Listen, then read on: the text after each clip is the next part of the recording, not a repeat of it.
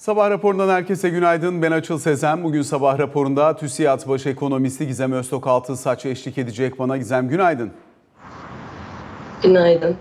Şimdi özellikle e, geçtiğimiz haftadan bu haftaya devreden önemli başlıklar var. Hem yurt dışından gelen haber akışı, Amerika Birleşik Devletleri'nde yükselen tahvil faizleri, bozulan piyasa dinamikleri. İç gündeme dönüp baktığımız zaman bir miktar daha hem e, Mehmet Şimşek'in Amerika temasları sonrasındaki tablo hem de para politikasında geçtiğimiz haftaki faiz artırımının ardından gelen düzenlemeler. Kur korumalı mevduat çerçevesinde yapılan yeni bir düzenleme var. İstersen bir parça bunu konuşarak başlayalım. Daha önceki dönemde eski para politikasının temel amacı döviz mevduatlarını kur korumalı mevduata dönüştürmekti. Dolayısıyla bu nedenle bankalara verilmiş olan bir faiz sınırlaması vardı. Belirli bir faizin altında kur korumalı mevduat faizi uygulamasına müsaade edilmiyordu. Şimdi yapılan yeni düzenleme ile birlikte buradaki tablo değişmiş oluyor. Artık kur korumalı mevduatı TL mevduata dönüştürme yönünde bir genel eğilim söz konusu. Buralarda da bankalara politika faizinin 30'a çıktığı yerde kur korumalı mevduatın daha altında faiz uygulama, politika faizi için e, politika faizinin daha altında kur korumalı mevduat faizi uygulama imkanı tanınmış oldu. Şimdi bundan sonra ne beklemek lazım? Düz TL mevduat faizi ile e, kur korumalı mevduat faizi arasındaki makasın nasıl açılması beklenebilir bundan sonra? Daha da genişlemesini bekleyebiliriz. Aslında birazcık böyle piyasa birbirine bakacaktır bankalar ama ilk başta biliyorsun KKM'den çıkış özendiriliyor şu anda. Ee, gerçi regülasyonlar biraz karmaşık geliyor. Yani bir özendiriliyor, bir dönüşüm rasyosu farklı hale getiriyor süreci ama toplamda KKM sürecinin e, stratejik olarak sonlandırılması yönünde regülasyonların bir tersine çevrilmesi söz konusu. E, dolayısıyla burada da son adımda e, politika faizinin aslında şu anda daha da altında oluşabilecek bir e, KKM faizi olacağını görüyoruz. Tabii piyasadaki faize bakacak olursak açıl KKM'den dönüşlerde bunu yapacak olan Moody için şu anda %50-55 bandında e, bir mevduat faizi söz konusu oluyor. Düz mevduatı bağlayanlarda zaten 40-45 bandındayız. E, daha da açılacaktır KKM faiziyle düz mevduat faizi. Dediğim gibi çünkü KKM'den çıkış özendiriliyor şu anda. Piyasada da tüm faizlerde yön hala daha yukarı onu söyleyebilirim. Hem e, politika faizinde e, hem e, kredi faizlerinde hem de mevduat faizinde.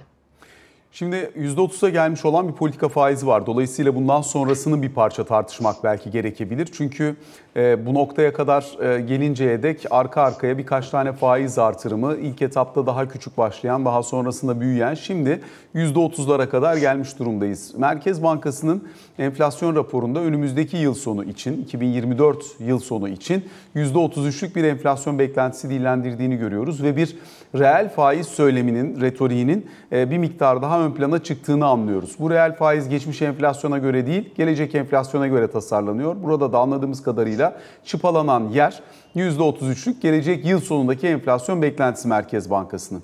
Şimdi politika faizinde yön yukarı dediğin için bunu sormak isterim. Bunun biraz daha üzerine gidebilecek bir politika faizi beklentisinde olmak gerekir mi ne dersin? Elbette. Özellikle piyasanın çalıştığı rakamlara bakacak olursak 2023 çıkış 35 ile çalışıyor piyasa. E, hatta bazı e, bankalarda 40'lar da söz konusu veya işte yabancı e, yatırım bankalarında. 35 ile 40 bandı diyelim ama hani 35 e, civarında. Önümüzdeki yıl çıkışı da 45 civarında çalışıyor piyasa. Konsensus.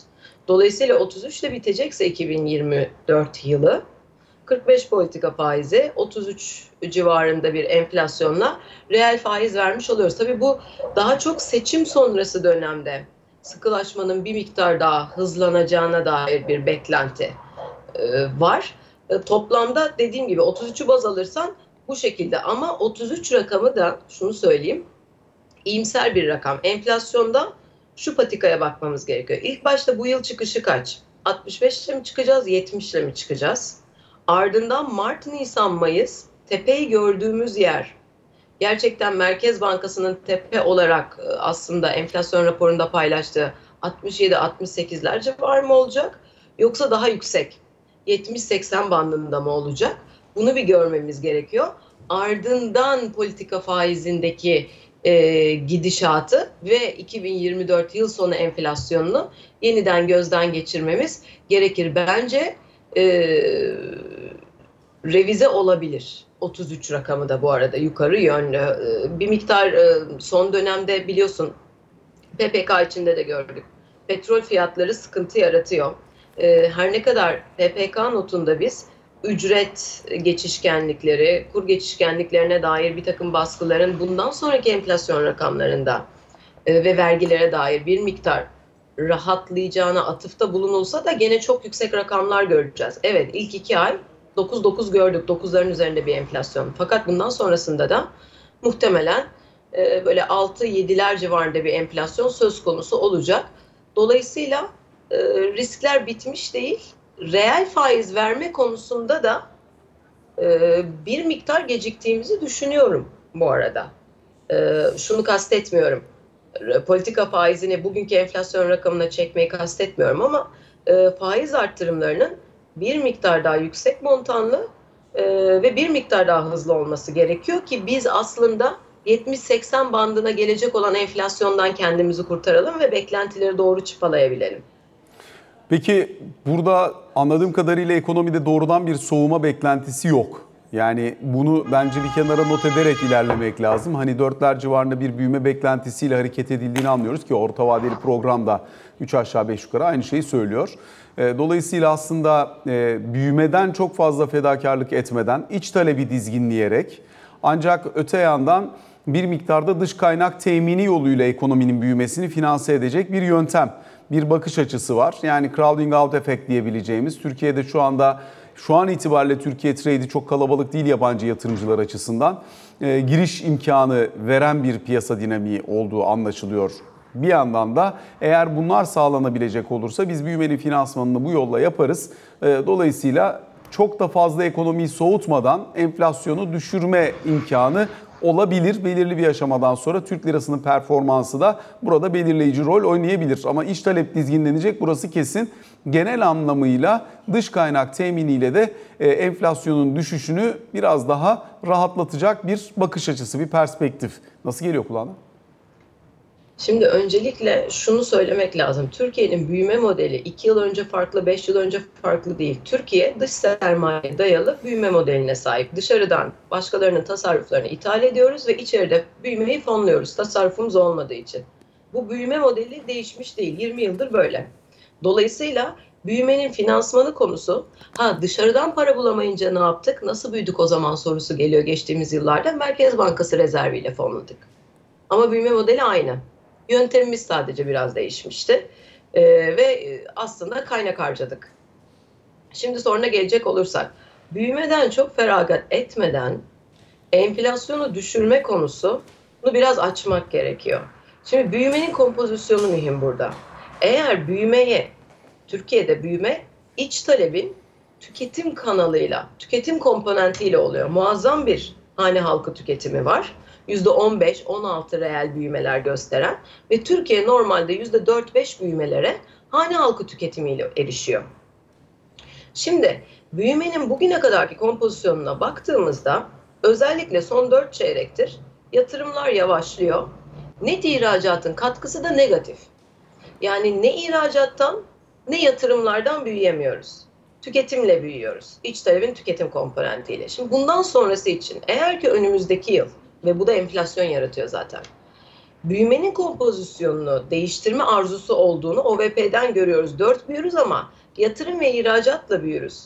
Tüketimle büyümeyiz gibi bir yaklaşım var. Ve ekonominin tüketim kanalı soğur gibi. Gelin görün ki şu ana kadar açıl son 4-5 çeyrektir. Trend bu yönde değil. Dolayısıyla siz bunu ihracat pazarlarındaki sıkıntıyı zaten ayrıca konuşuruz ihracat kaleminde ama siz bundan sonraki 4 çeyrek boyunca Türkiye'nin büyümesini ihracat lehine veyahut yatırım lehine çevirmeyi arzu edip o şekilde enflasyonu kontrol edip bir taraftan da büyürüz diyorsanız bu bir miktar zor. Onu net söyleyeyim. Dolayısıyla eğer Türkiye %4-5 büyüyecekse bu gene tüketimden olur. Ve tüketimden olursa Türkiye enflasyonda düşüşü en azından arzu ettiği rakamları erişmesi bir miktar şu aşamada zor gözüküyor. Perakendeye bakalım mesela ticaret hacmine o da hacim endeksi %33'ler 34'lerde artıyor reel hacim konuşuyorum. Sanayi üretimine bakıyoruz arz tarafına son bir yıldır aynı yerde. Arada ne var? Aşırı talep var. Bu aşırı talepte muazzam derecede enflasyon yarattı Türkiye'de. Bu kapanmadığı müddetçe bence Türkiye'nin enflasyonu arzu ettiğimiz anlamda aşağı çevirebilir. Fakat konuştuğumuz rakamlara getirmesi bir miktar zor. Dolayısıyla tüketimin kesinlikle soğuması gerekiyor önümüzdeki yıl. Ha bunun dışında yatırım ve ihracatla büyümeye erişebilirsek ki ben bunu zor görüyorum var olan trendten dolayı. Bugün doğruları yapsanız en azından iki yıl alıyor bu süreç. Bu yüzden zor görüyorum. Bugün doğruları yapmıyor değiliz. Süreç uzun olduğu için kastediyorum. Dolayısıyla e, ya 4-5 büyümeye erişemeyeceğiz ya da enflasyon farklı yerde oluşacak. Daha yüksek seviyede oluşacak. Gene altını çiziyorum. Türkiye'de büyümenin temel kaynağı tüketim. Bunu kısmadığımız müddetçe ki kısma yönünde çok büyük bir çaba da var bundan sonrasında. Özellikle bundan sonra 6-7 ay, 9 aylık vadede esas gelecek olan adımların tüketim tarafında olmasını da beklerim. Belki seçim sonrası dönemde biraz daha hızlanır. Çünkü enflasyonu kontrol etmek için oraya bakmamız gerekiyor. Umarım yeterince net anlatabilmişimdir. Dolayısıyla 4 veya 5 büyüme olarak değil, komponent bazında konuşmamız gerekiyor. Kaynağı ne olduğu. Bütçeyi burada nereye yerleştiriyorsun? Çünkü maliye politikası uzunca bir süredir oldukça genişleyici. Aslında genişleyici değil de para politikasının, ultra genişleyici para politikasının yan etkilerini bertaraf edebilmek adına e, arayı kapatma çabası gösteren bir bütçe dinamiği vardı. Şimdi hem salınan vergilerle bütçe disiplinini bir miktar daha sağlayabilmek yönünde bir hamle var. Ama bir yandan da hakikaten e, arka arkaya gelen toplum kesimlerinin farklı alanlarından, işte emekli ayrı bekliyor, memur ayrı bekliyor, memur emeklisi ayrı bekliyor. Dolayısıyla bu ücret beklentileri açısından da zorlayıcı bir evreye girilmiş durumda. Hazine ve Maliye Bakanı Mehmet Şimşek'in açıklaması oldu. Bundan sonrasında beklenen enflasyona göre yapılacak ücret zamları diye. Ee, bunu biz daha önceki dönemde gördük fakat orada enflasyonun aşağı dönüşünü görüp daha sonrasında ikna olmuştu insanlar bunu yapmaya. Dolayısıyla enflasyonun hala yükseldiği bir ortamda bunu yapmak kolay mı? Hayır elbette değil. Zaten e, ücret, fiyat sarmalı dediğimiz şey bu açıl. Yani wage price spiral dediğimiz ücret fiyat sarmalı bu. Fiyatlar artıyor ve ücretlerde de ister istemez o ayarlamayı yapmanız gerekiyor. O ayarlamayı yapmadığınızda belli kesimler üzerinde baskı oluşuyor. Fakat o ayarlamayı yaptığınızda da yeniden bir fiyat baskısıyla karşı karşıya kalıyorsunuz. Dolayısıyla Bakan Bey'in bu anlamda yaklaşımı son derece doğru e, yapılması gereken bazında ama bu ne kadar yapılabilir? Özellikle seçimlere gidilen dönemde bir miktar zor bir süreç çünkü enflasyonumuz yüzde yirmilerde değil. Enflasyonumuz yüzde yetmişlerde. Vaziyet böyle olduğu için doğru uygulama bu olsa da dediğim gibi bir miktar maliyetli bir süreç. Şunu da söylemek lazım biz bugün Türkiye olarak enflasyonu kontrol etmek istiyorsak lafta değil, gerçekte kontrol etmek istiyorsak her kesimin maliyet ödemesi gerekiyor. Her kesimin de belli bir fedakarlıkta bulunması ve sabırlı olması gerekiyor. Yoksa bunun dışında evet bu uygulamaların hepsi elbette ki zor. Ee, hele seçime giderken daha da zor. Ama sadece bunlarda değil. Diğer pek çok kalemde de ve her kesimde reel kesimle ilgili başka adımlar atılması gerekiyor. Hane halkı ile ilgili başka adımlar atılması gerekiyor. Kamunun tasarruf tarafında başka adımlar atması gerekiyor. E, dolayısıyla e, bir fedakarlıkla, bir maliyetle e, çalışacaksınız. Bundan başka yöntem yok. Dolayısıyla doğru yol bu. Evet ama yapılması zor. Haklısın. E, ve böyle durumlarda en fazla ezilen taraf hane halkı oluyor. Bunu da tabii hem sosyopolitik bir takım e, sonuçları oluyor. Ona politikacılar katlanmayı arzu etmiyor doğal olarak. İlerisi daha parlak olsa da e, günü kurtarmak adına. E, ama e, dediğim gibi Türkiye'nin bugün geldiği enflasyon sürecinde gene altını çizeyim. Yüzde yirmilik bir enflasyondan kurtulmaya çalışmıyoruz biz. Yüzde yetmişlik enflasyondan kurtulmaya çalışıyoruz. Ve buradaki her gecikme bize maliyet olarak geri dönüyor. Bugün seninle konuştuğumuz bu maliyetler olarak 3 ay sonra konuşsak daha da hızlanmasak başka maliyetleri konuşacağız. Çok net söyleyeyim. Para politikasında enflasyon yükselirken bugün X oranında faiz arttırımı yapmanız gerekiyorsa Bunu 3 ay geciktirirseniz, 4 ay geciktirirseniz 3x faiz arttırmanız gerekiyor. Dolayısıyla zamanda tutarlı olmanız lazım. Bunlar olmadığında da demin senin bahsettiğin ücret, fiyat sarmalı vesaire konularına e, girmeye başlıyoruz. E, planlanan doğru ama dediğim gibi yapılması e, sosyolojik açıdan maliyetli bir süreç e, elbette ki. Şirketler, Ama doğru adım o aslında. sen dedin ki böyle ortamlarda evet. ister istemez ezilen hane halkı oluyor. Dolayısıyla fedakarlığı belli bir noktadan sonra yapması gereken de orası olabilir. Kurumlar cephesini de sormak istiyorum sana. Enflasyon muhasebesi konusunda bir irade olduğunu anlıyoruz.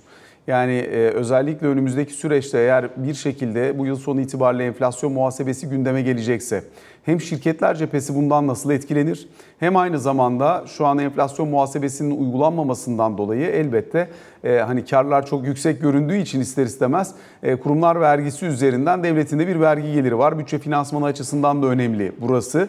Dolayısıyla enflasyon muhasebesi eğer uygulanacak olursa yıl sonu itibariyle o zaman bundan sonrası için şirketler cephesi adına hayat nasıl şekillenir? Evet, bu anlamda karlılıkta ister istemez bir düşüş ve vergide de bir düşüş oluyor. Bankalar tarafı daha farklı biliyorsun. Ee, Orada biraz daha farklı bir süreç işliyor. Ee, Ama e, zaten bankalar IFRS'e göre e, açıl, e, özellikle yabancı ortaklı bankalar bunu uyguluyorlar. Bu arada onu söyleyebilirim. Yani uygulanmıyor değil. İster istemez yurt dışı borçlanma yapmak istiyorsanız uygulamanız gerekiyor zaten. Ama e, şu anda reel kesimde uygulanmıyor. Uygulanmaya artık başlanması da gerekiyor. Çünkü süreç sürekli erteleniyor. E, bu sürecin de e, başlayacağını düşünüyorum açıkçası. Sağlıklı olan da bu ama zorlu bir süreç.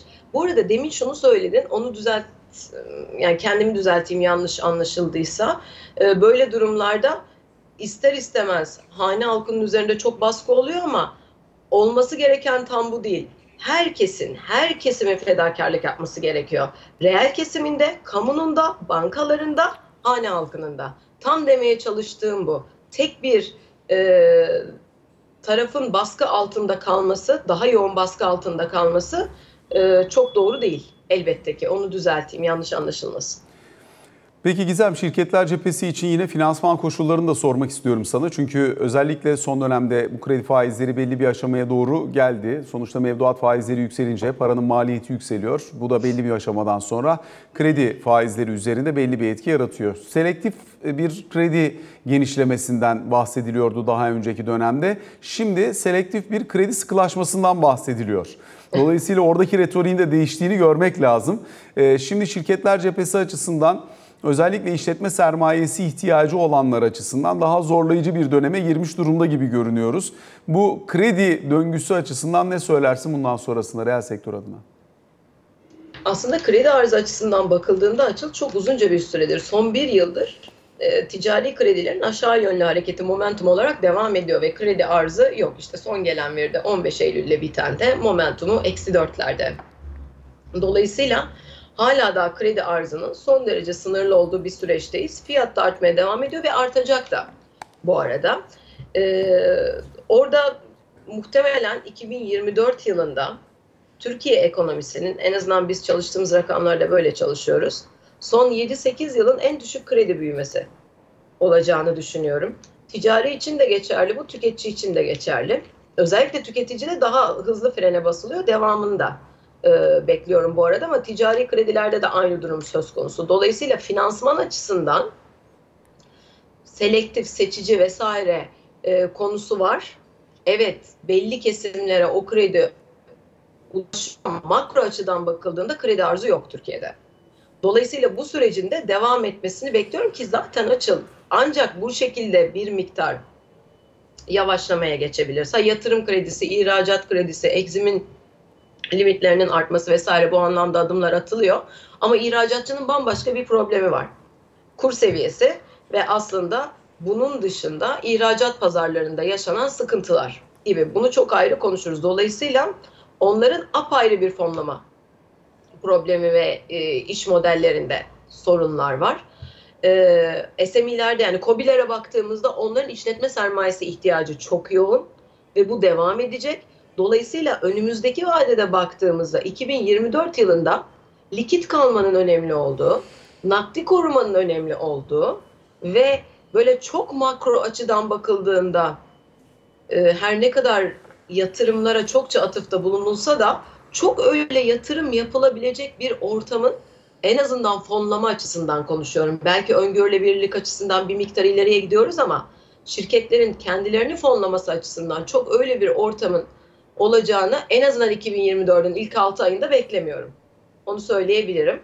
Bir de diğer fonlama kanallarına bakacak olursak şu iyi. Çok büyük şirketler için tabii ki e, bono çıkarma, tahvil çıkarma gibi durumlar biliyorsun bunlar kapanmıştı. Ardından yeniden söz konusu olabilir ama dediğim gibi bunlar çok büyük şirketler için söz konusu oluyor ve SPK'da o süreç zaten uzun sürüyor. Yani bir rotatif kredi gibi çalışmıyor bu süreç ister istemez. Ama oralarda da Türkiye'nin risk priminin düşmüş olması, işte son dönemde özellikle iki haftadır kredi riskçiler, yabancı kurumların riskçileri burada durumu anlamaya çalışıyorlar ve pozitif toplantılar geçiyor. Bu anlamda dış sermaye ile fonlanma adına da şirketlerin, büyük şirketlerin bir miktar önünün kademeli de olsa açıldığını da söyleyebiliriz. Yani pozitif gelişmeler var. Bir de toplam makroda kredi arzının son derece sıkışık olduğu bir döneme doğru gidiyoruz. Onu da söylemek lazım. Son soru, kredi derecelendirme kuruluşlarından bir olumlu değerlendirme bekliyor musun önümüzdeki süreç için? S&P'nin değerlendirmesini bekliyoruz şimdi. Ee, Bir not artırım beklentin var mı? Not arttırımı değil de Yani not artırım pozitif beklenti ne zaman var? Hani görünüm değişiklikleri geliyor da not artırımında Evet, bunun evet, o- dönüşmesi için ne beklersin? İlk başta bir enflasyonu, şimdi öngörülebilirlik adına bir adım atıldı. Pozitif algı yabancı nezdinde oluşturulmaya çalışılıyor. Çok büyük bir çaba var. Bunda da buna da bir tik atalım. Bu da oluşuyor. İçeriye de yavaş yavaş flow girmeye başladı. Ama senin dediğin manada bir not artışı için kamu dengesinin düzelmesi gerekiyor. Enflasyonda düşüşün rakamsal olarak gerçekleşmesi lazım. Öncelikle bu iki kale de e, bir gidişatı tabii e, görmemiz gerekiyor. Aynı durum cari açık için de geçerli. İkiz açıkla ilerliyor şu anda Türkiye. Cari denge, kamu dengesi ve enflasyonda aşağı yönlü hareketin olması ve bunun kalıcılığına dair e, bir e, fikir oluşması gerekiyor. Bu da açıkçası bir yıldan evvel, ki bir yıl az bile bu arada onu söyleyebilirim. Biliyorsun not şirketleri gerçekten bir şeyler çok rayına girdikten sonra hareket ediyorlar. Ama en azından bir yıllık vadede böyle bir şey beklemiyorum. Fakat yapılan tüm toplantılarda bu algının öngörülebilirlik adına e, bir takım gerçekleşmeler olmasından dolayı pozitife döndüğünü söyleyebilirim. Bunları rakamda görmemiz gerekiyor açıl not artışı için. Anlatabiliyor muyum? Makro değişkenlerde iyileşmeyi görmemiz şart. Başka türlü not arttırımı geleceğini düşünmüyorum. Gizem Öztok Altınsaç çok teşekkür ediyoruz. Bu sabah bizlerle birlikte olduğun ve sorularımızı yanıtladığın için. Kısa bir araya gideceğiz. Sonrasında ikinci bölümde Ali Can Türkoğlu ile karşınızdayız.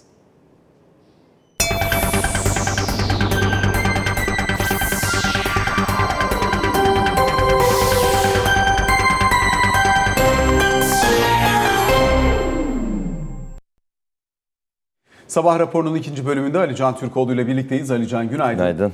Öncelikle bugün kabine var. Ne bekleniyor? Bir emekli düzenlemesiyle ilgili sunum bekleniyor. Dün de biraz konuştuk seninle. Ee, işte alternatifli olarak bakanlıkların çalışması bugün kabineye sunulacak. En azından bir fikir alışverişi yapılacak. Burada birkaç farklı alternatif üzerine çalışıldığı söyleniyordu. İşte yüzdelik olarak bir zam mı olacak, işte seyyanen bir artış mı olacak, tek sefere mahsus bir ikramiye mi olacak veya işte refah payı mı olacak Yani gibi. birkaç şey ayrıca konuşuluyor değil mi? Yani bir tanesi önce Cumhuriyet İkramiyesi adı altında bir 100. yıl ikramiyesi konuşuluyor. bu Sonra ayrı. bu, bu çok geri planda kaldığı söylendi. İşte genel bir yüzdelik zam olsun ama işte dün bahsettim ya Cevdet Yılmaz'ın açıklamaları doğrultusunda işte dengeleyici bir çalışma olsun ve düşük alanları destekleyici mahiyette bir çalışma yapılacak e, dendi. Dolayısıyla bu daha yüzdelik zamma yönelik e, çalışmanın daha ağır bastığı olarak değerlendirildi. Ama bunun yani bütün içerisinde de... yüzdelik bir artış gibi değil de düşük alanlara daha yüksek gibi. bir Evet şey öyle olacak. Ee, konuşulan böyle ama dediğim gibi bugünkü kabinede nasıl bir e, sunum gerçekleştirilecek, bugünkü kabine sonrası ne tarafa yönlendirilecek bunu göreceğiz. Ee, yani soru işareti olan tarafı zaten bu. Soru işareti olmayan tarafı da var aslında mesela e, düzenlemelerden düzenlemenin bir kısmına o da bağ kurullara yönelik olan. Bağ kurulların prim gün sayısında bir düzenleme yapılması yönünde talep vardı e, bayağı uzun süredir. 9000 günden 7200 güne indirilmesi konusu Keskin de e, talebiydi. o kesin evet, o da kesinleşmiş durumda. Yani 9000'den 7200'e inecek. 9000'den 7200'e inecek. Buna ilişkin kararda muhtemelen e, aynı paket içerisinde yer alacak ama benim aldığım bilgi 9000'den 7200'e indirilmesi bunun da e, 1 milyonun biraz üstünde kişiyi net olarak direkt olarak ilgilendirdiği ifade ediliyor. Bununla ilgili uzlaşının sağlandığı söyleniyor. Birincisi bu. Bugünkü kabinede konuşulacak başlık. Bir diğeri e, seçim beyannamesinde vardı. Daha doğrusu seçim e, açıklamalarında vardı. E, AK Parti'nin gençlere e, vergisiz telefon e, verilmesi konusu e, tablet ve bilgisayarı da kapsayacak şekilde yerli üretim olanlarla ilgili bir düzenleme yapılacağı söylenmişti daha önceden de Cumhurbaşkanı tarafından. Muhtemelen bugünkü kabine toplantısında bu karara bağlanacak ve kabine sonrasında yapılan açıklamada net somut karar olarak bununla ilgili açıklamanın yapılması bekleniyor Ankara'da onu söyleyebilirim. E, Bir diğeri e, bugünkü sunumlardan birisi kentsel dönüşümle ilgili, deprem yasasıyla ilgili. E, Bu da özellikle Ekim ayında meclis açıldıktan sonra meclisin öncelikli gündem maddelerinden birisi olacakmış gibi gözüküyor. İstanbul E, yasası yani. Bu Sadece İstanbul yasası değil bu. İstanbul'un da içinde olduğu yasa. Bir taslak hazırlanmış Çevre Bakanlığı tarafından. Şimdi bu taslakta şimdi bir kentsel dönüşüm başkanlığı var mesela kurulacak. Bu kentsel dönüşüm başkanlığının içerisinde de İstanbul ayrı olarak değerlendiriliyor. İstanbul'da özel bir birim var ve bu birim e, İstanbul'a özel olarak oluşturulan birimin kendi bütçesi var. Yani kentsel dönüşüm başkanlığı var. Bütün Türkiye için çalışacak. Aynı zamanda bunun içerisinde İstanbul'a özel birim var. Bunun da kendi bütçesi olacak. Bu e, taslak içerisinde de e, evlerin, binaların dönüşüme girmesinin kolaylaştırılmasına yönelik maddeler olacak. Mesela işte daha önceden konuşmuştuk kat maliklerinin 3'te 2 imzasının yeterli olması. Yine evini kentsel dönüşüme verenlere kira desteği veriliyor bilindiği gibi. Bu desteğin artırılması dolayısıyla dönüşümün e, cazip kılınması yönünde maddeler olacağı ifade ediliyor. Dönüşüm bütçesi içinde işlevini bitirmiş hazine arazilerinin, hazine alanlarının satılmasının gündemde olduğu ifade ediliyor. Dolayısıyla bugün de muhtemelen son şekline veri, son şekli verilecek. Kabine toplantısında benim beklentim Ekim ayının başı ilk yarısı itibarıyla da Türkiye Büyük Millet Meclisi'ne kentsel dönüşümle ilgili gündemin net olarak oluşturulması, taslağın sunulması noktasında e bir de bizim zaten çok uzun süredir konuştuğumuz işte hem enflasyonla mücadelede atılacak yeni adımlar hem OVP'nin yansımalarının kabinede değerlendirilmesi başlığı var ekonomiyle ilgili. Dış politika ile ilgili olarak da e, Cumhurbaşkanı'nın Hindistan-Amerika temaslarının detayları Nahçıvan'da özellikle Aliyev'le yapılan görüşme neticesinde ki çok net açıklandı Karabağ politikası Türkiye'nin ama yine oradaki temaslar ve bölgesel politikalar anlamında işte Türkiye, Azerbaycan, Ermenistan ilişkileri ve yakın zamanda çok fazla konuşacağımız bir İsrail konusu ki burada enerji konusunda işbirliği e, adımları var bilindiği gibi sondaj konusunda. Bir diğeri de Yunanistan aralığa kadar yani Selanik'teki toplantıya kadar iki ülke ilişkilerini geliştirmek için ne gibi adımlar atılabilir? Özellikle düzensiz göçle mücadele kapsamında bir yakınlaşma var ise Türkiye'nin buradaki beklentileri ne olur? Bunlar konuşulacak gibi gözüküyor kabinede. Peki son bir dakika içerisinde Cumhuriyet Halk Partisi'nde parti meclisi toplantısı var. Orada işler bayağı karışık görünüyor. İşler karışık. Bugünkü parti meclis toplantısından beklenti kurultay tarihinin açıklanması. Yani genel başkan seçimli kurultayın ne zaman yapılacağı bugünkü PM'de belli olacak gibi. Ee, 5 Kasım olacak diye bilgiler vardı. Paylaşmıştım da izleyicilerimizle. Muhtemelen 4-5 Kasım tarihi olarak açıklanacaktır. Ama orada zaten özellikle e, delege konusunda, il ilçe başkanlıkları konusundaki o yoğun m, temas ve tartışma devam ediyor. Yani tartışmadan kastım fiziki tartışmalar da oluyor e, kurultaylarda ama onun dışında da genel merkezin adayları mı, değişimcilerin adayları mı önde bunun analizleri çok fazla yapılıyor. İstanbul İl Başkanlığı ile ilgili olarak e, iki aday şu anda gözüküyor. Yine iki isim gözüküyor şu an itibariyle aday olarak gözüken. E, şu ana kadar yapılan seçimlerde de genel merkezin adaylarının daha önde olduğu. Dolayısıyla delege seçimleri de gerçekleştikten sonra, tamamlandıktan sonra ilçe kongreleri, genel başkanlığı seçimli kurultayda Sayın Kılıçdaroğlu'nun aday olması durumunda, şu anda hala aday değil, e, daha rahat bir galibiyet, daha yani seçimi önde bitireceğiyle ilgili olarak beklenti yüksek şu anda. CHP'yi takip edenler arasında. Ama daha tabii önümüzde bir süre daha var. Bu süre içerisinde ne gibi görüşmeler olacak bunları göreceğiz. Ancak sorun bugünkü parti meclisi olduğu için bugünkü parti meclisinden çıkacak en önemli karar, karar genel başkan seçimli kurultayın tarihi. O da muhtemelen 4-5 Kasım olacak. Alican teşekkür ettik Ben sabah teşekkür raporuna. ediyorum. Böylelikle son noktayı koyuyoruz. Hoşçakalın.